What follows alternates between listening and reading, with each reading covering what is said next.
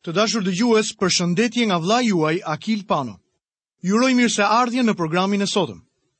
Dua t'ju kujtoj që në mësimin e kaluar kemi folur për kapitullin e pestë të librit të Eksodit. Në mësimin e sotëm do të ndalemi te kapitulli i gjashtë i librit të Eksodit dhe do ta fillojmë leximin tonë menjëherë nga vargjet 10 deri 13. Zoti i foli edhe më Moisiut duke i thënë: Shko, foli faraonit, mbretit të Egjiptit që të lejojë bijtë e Izraelit të dalin nga vendi i tij. Por Moisiu foli përpara Zotit dhe i tha: Ja, bijtë e Izraelit nuk më dëgjuan. Si mundet faraoni të më dëgjojë mua, që jam i parrethprerë në buzë? Por Zoti i foli Moisiut dhe Aaronit dhe i urdhëroi të shkonin tek bijtë e Izraelit dhe tek faraoni, mbreti i Egjiptit, me qëllim që t'i nxirrnin bijtë e Izraelit nga vendi i Egjiptit. Bijtë e Izraelit nuk e pranuan Moisiun, po kështu edhe faraoni. Ndërkohë që shohim se Perëndia i tha t'i fliste përsëri faraonit, por Moisiu nuk është gati të shkojë. Sytë e tij janë më tepër të përqendruar tek rrethanat sesa mbi Perëndinë, si do të rrjedhin ngjarjet më tej. Atëherë, le të vazhdojmë mësimin e sotëm dhe të shikojmë në vargjet e tjera, por përpara se të shkojmë atje, unë desha që t'ju sqaroj që në mes të tëra këtyre vështirësive dhe rrethanave, arrijmë në një ndodhi shumë të çuditshme. Perëndia na bën sërish gjenealogjinë e familjeve të Izraelit. Një çështje e rëndësishme kjo për sa i përket Dhjatës së vjetër. Sinqerisht për mua këto janë faqet më të mërzitshme të Biblës, sa herë që lexoj gjithë këto emra më zë gjumi. Por me sa duket, për Perëndinë, ato janë sa të rëndësishëm, aq edhe emocionues. Ai këmbëngul që gjenealogjitë të regjistrohen. Perëndia dëshiron që të dimë se për kë po lexojmë dhe se kush janë bijtë e tij. Ai ndihet po njësoj për ty dhe mua. Ai dëshiron që ne të jemi bijtë e Perëndisë përmes besimit në Krishtin. Perëndia dëshiron që ne të mos e harrojmë asnjëherë se kujt i përkasim. Vazhdojmë me vargjet 14 deri 16. Këta janë kryetarët e familjeve të tyre. Bijtë e Rubenit, të paralindurit të Izraelit, qenë. Bijtë e Simeonit, qenë. Këta janë emrat e bijve të Levit sipas brezave të tyre. Gershomi, Kehathi dhe Meravi. Levi jetoi njëqind e tridhjetë e shtatë vjet. Gershomi, Kehathi dhe Merari janë tre djemtë e Levit. Ata janë njerëzit që do ta mbajnë tabernakulin nëpër shkretëtirë. Lexojmë vargun e 18. Bijtë e Kehathit qenë Amrami, Jitshari, Hebroni dhe Ucieli.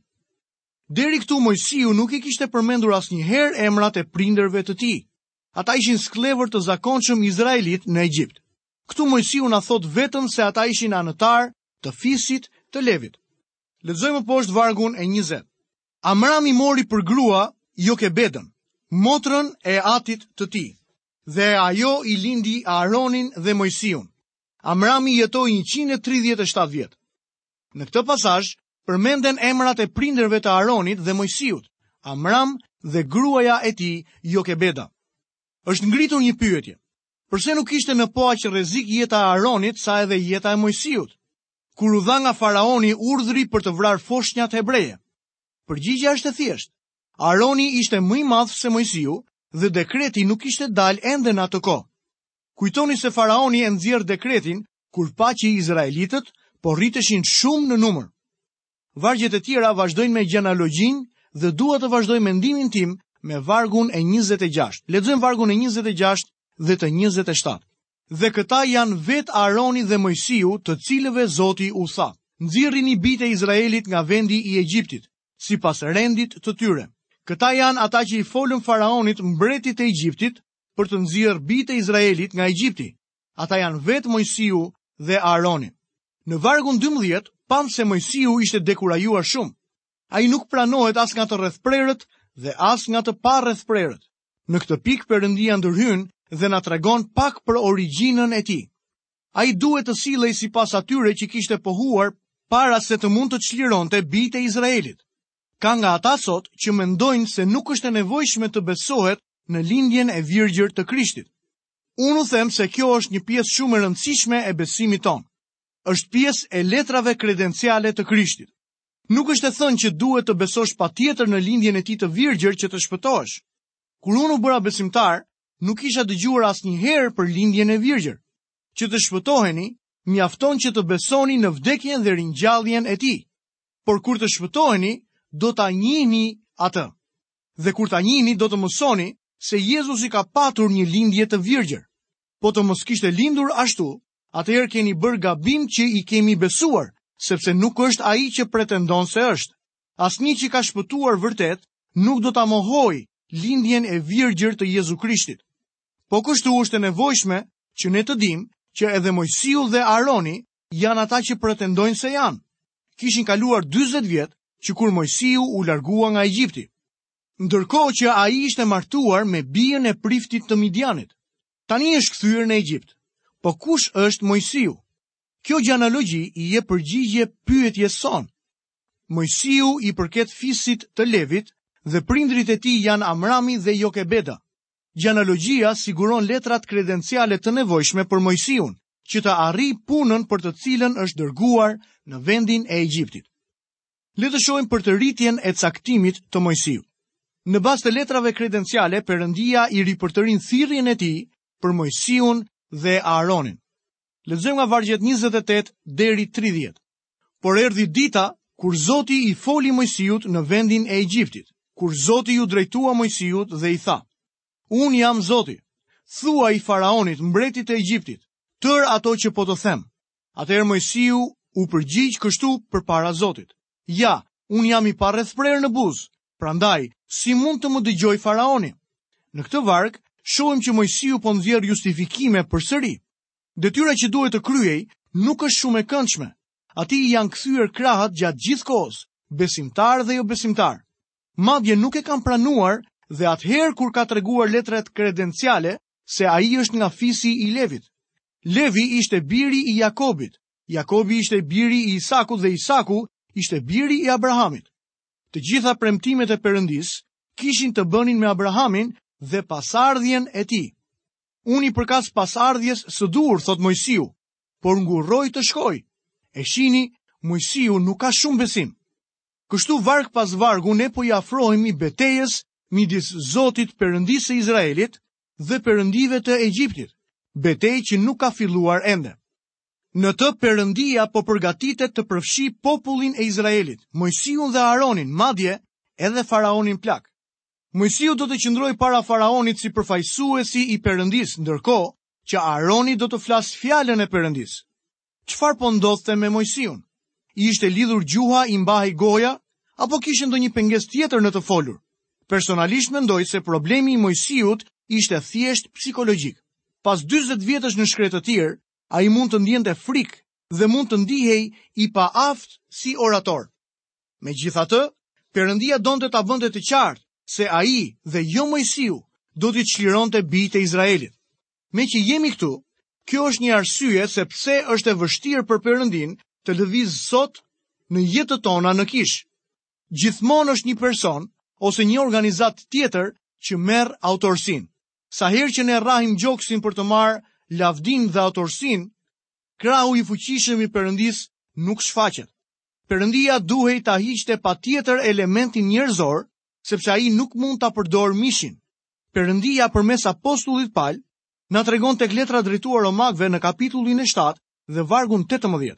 Në fakt unë e di se në mua, domethënë në mishin tim, nuk banon asgjë e mirë, sepse ndonëse e kam dëshirën për të bërë të mirën, nuk ia gjej mënyrën.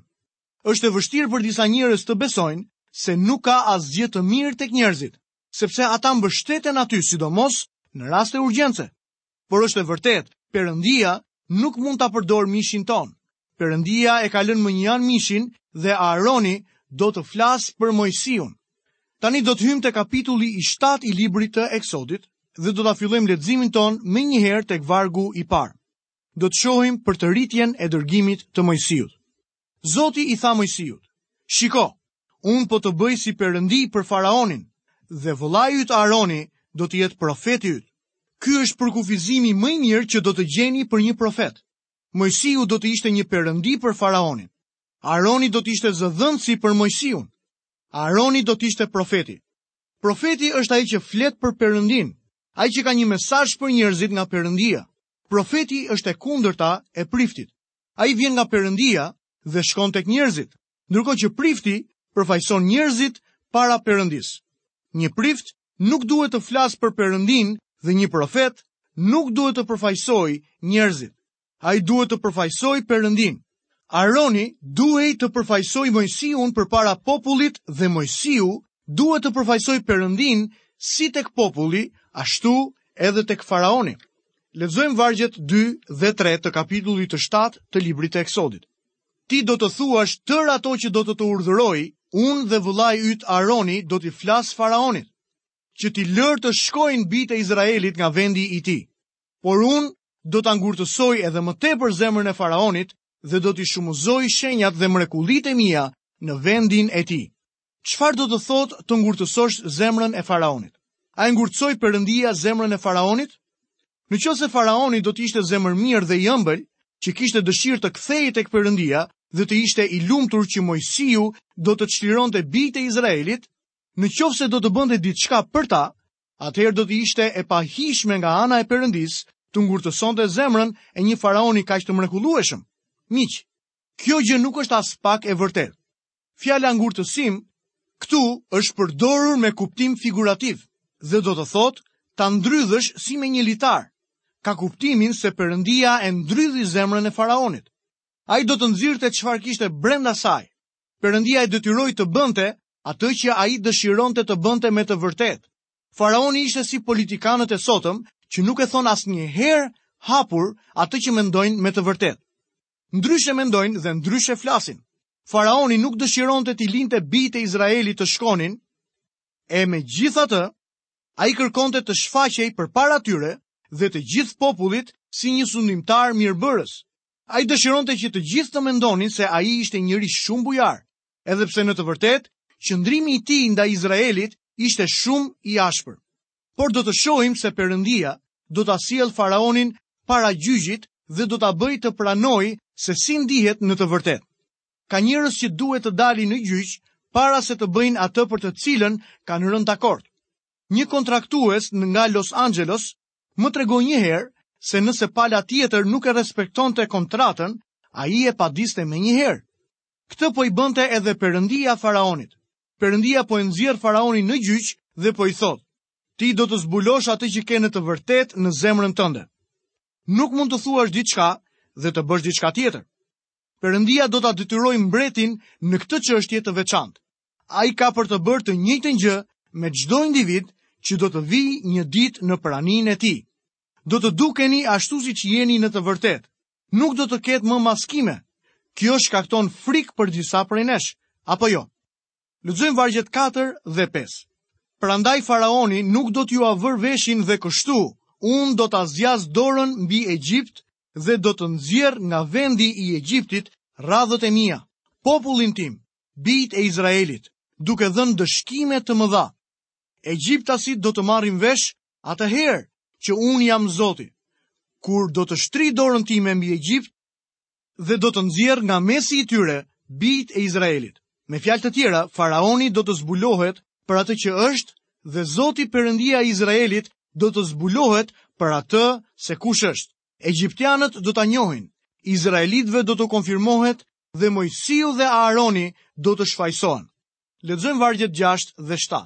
Dhe Mojsiu dhe Aroni vepruan kështu. Ata bënë pikërisht ashtu siç i kishte urdhëruar Zoti. Kur i folën faraonit, Mojsiu ishte 80 vjeç dhe Aroni 83. Aroni ishte 3 vjet më i madh se Mojsiu. Lexojmë vargjet 8 dhe 9.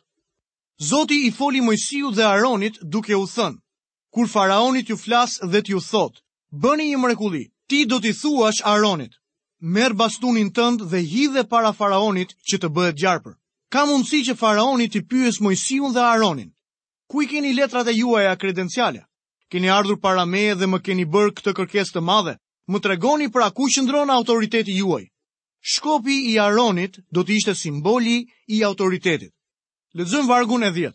Mojsiu dhe Aroni vajtën pra tek faraoni dhe vepruan ashtu, pikërisht siç i kishte urdhëruar Zoti. Aroni e hodhi bastunin e tij përpara faraonit dhe shërbëtorëve të tij, dhe ai u bë gjarpër. Për fjalën gjarpër në këtë pasazh ngrihet një pyetje, sepse nuk ka shumë të dhëna për sa i përket gjarprit në Egjipt. Në të vërtetë, fjala e përdorur këtu është krokodil. Në kohën e Mojsiut kishte shumë krijesa të tilla që jetonin në lumin Nil dhe gjendeshin ngado. Shkopi u kthye në një krokodil. Ndërsa studiojmë plagët, do të mësoni se Perëndia merret me të gjithë fushën e zoologjisë. Domethënë, Perënditë e Egjiptit ishin kafshë, zogj ose insekte. Tek letra e apostullit Pal, drejtuar romakëve,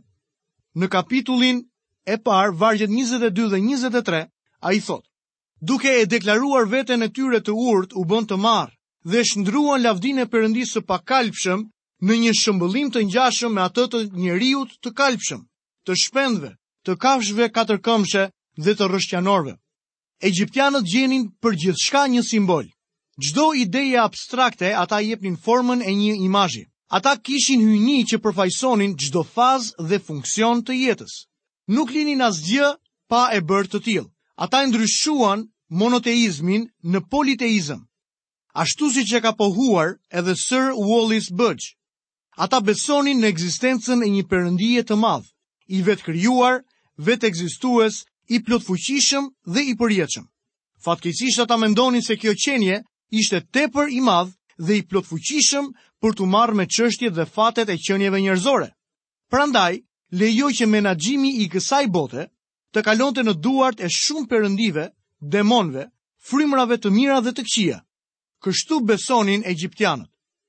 Kjo është ajo që mësoi apostulli Pal kur shkoi në Athinë. Ai gjeti një monument të Perëndisë së panjohur. Tek libri i Veprave të Apostujve ne shikojmë në kapitullin e 17, vargjet 22 dhe 23. Sepse duke ecur e duke vënë re objektet e kultit tuaj, gjeta edhe një altar mbi të cilin shkruhej Perëndisë së panjohur. Atë pra që ju e adhuroni pa e njohur, unë po jua shpall. Nëse një njeri adhuron gjithë këta perëndi të ndryshëm, nuk mund të njohë perëndinë e gjallë dhe të vërtetë. Kështu Zoti, perëndia i Izraelit, i sulmoi perënditë e Egjiptit për të treguar se kush ai me të vërtetë ishte. Fjala hebreje tanin e përkthyer gjarpër në këtë kapitull nuk përkthehet gjarpër në ndonjë vend tjetër të Biblës. në librat e Isaisë dhe profetit Ezekiel ka kuptimin dragua. Në të vërtetë, në kuptimin e vet, fjala është satanike dhe ka mundësi që kjo të jetë arsyeja sepse përkthyesit kanë përdorur fjalën gjarpër. Pavarësisht nga arsyeja, mbetet fakti se egjiptianët adhuronin krokodilin. Ai zinte një vend të madh në adhurimin dhe fenë e Egjiptit. Sebak ishte një hyjni e së keqes me kokë krokodili. Apepi, armiku kryesor i përhershëm i të gjithë perëndive diellore, shfaqej në formën e krokodilit. Egjiptianët përfshiheshin në një ritual i cili kryhej në tempullin e Amen Ra, në qytetin e Tebës. Apepi jetonte në pjesët më të ulta të qiellit dhe luftonte çdo ditë për të penguar ngritjen e perëndisë së diellit, Ra. Ai shkaktonte vetëtima, bubullima, stuhi, shtrëngata, uragane, shi dhe përpiqej të zinte dritën e diellit, duke e mbushur qiellin me re, mjegull dhe errësirë. Rituali i egjiptianëve ishte një përpjekje për të shkatërruar Apepin. ishte një adhurim i njohur në Egjipt dhe jo rastësisht perëndia e godet atë të parin. Shkopi i Aronit kthehet në krokodil. Lexojmë vargun e njëmbëdhjetë. Atëherë edhe faraoni thirri të diturit dhe yshtësit dhe magjistarët e Egjiptit me artin e tyre të fshehtë bënë edhe ata të njëjtën gjë. Këtë herë magjistarët e Egjiptit bënë të njëjtën mrekulli si Aroni. Ndoshta do të ishte më mirë të thoshnim se ata e imituan mrekullinë. Çfarëdo dhe sido që e bënë, ata e bënë shumë mirë atë. Megjithatë, Pali ka diçka për të thënë për këtë tek letra e dytë e Timoteut, kapitulli 3 dhe vargu i 8. Dhe sikurse Janesi dhe Jambresi i kundërshtuan Moisiut, po kështu edhe këta i kundërvihen së vërtetës. Janë njerëz mendjeprishur, të neveritshëm në çështjen e besimit, Këta magjistarë kundërshtuan Perëndinë e gjallë dhe të vërtetë. Lexojmë në kapitullin e 7, vargjet 12 dhe 13. Secili prej tyre hodhi bastunin e tij dhe bastunët u bënë gjarpërinj, por bastuni i Aaronit i përpiu bastunët e tyre. Por zemra e faraonit u ngurtësua dhe ai nuk i dëgjoi ata, ashtu siç kishte thënë Zoti. Është interesant fakti që egjiptianët adhuronin krokodilin dhe se shkopi i Aronit i përpin krokodilët e tyre. Në qoftë se nuk do të kishte qenë aq shumë krenar, kjo duhej t'i kishte bërë shumë përshtypje faraonit. Zoti këtu i dha një mundësi faraonit që të kuptonte se kush ishte Perëndia i Izraelit. Megjithatë, faraoni e ngurtësoi zemrën e tij dhe ngulmoi në rrugët e tij. Të dashur dëgjues, këtu kemi mbërritur dhe në fundin e programit të sotëm. Jam mirënjohës Perëndisë që keni qëndruar së bashku me mua përgjatë gjithë këtyre minutave dhe dua t'ju kujtoj që në mësimin e ardhshëm ne do të vazhdojmë sërish të flasim për kapitullin e 7 të librit të Eksodit. Deri atëherë nga vëllai juaj Akil Pano bashkë mirudëgjofshim në emisionin e ardhshëm.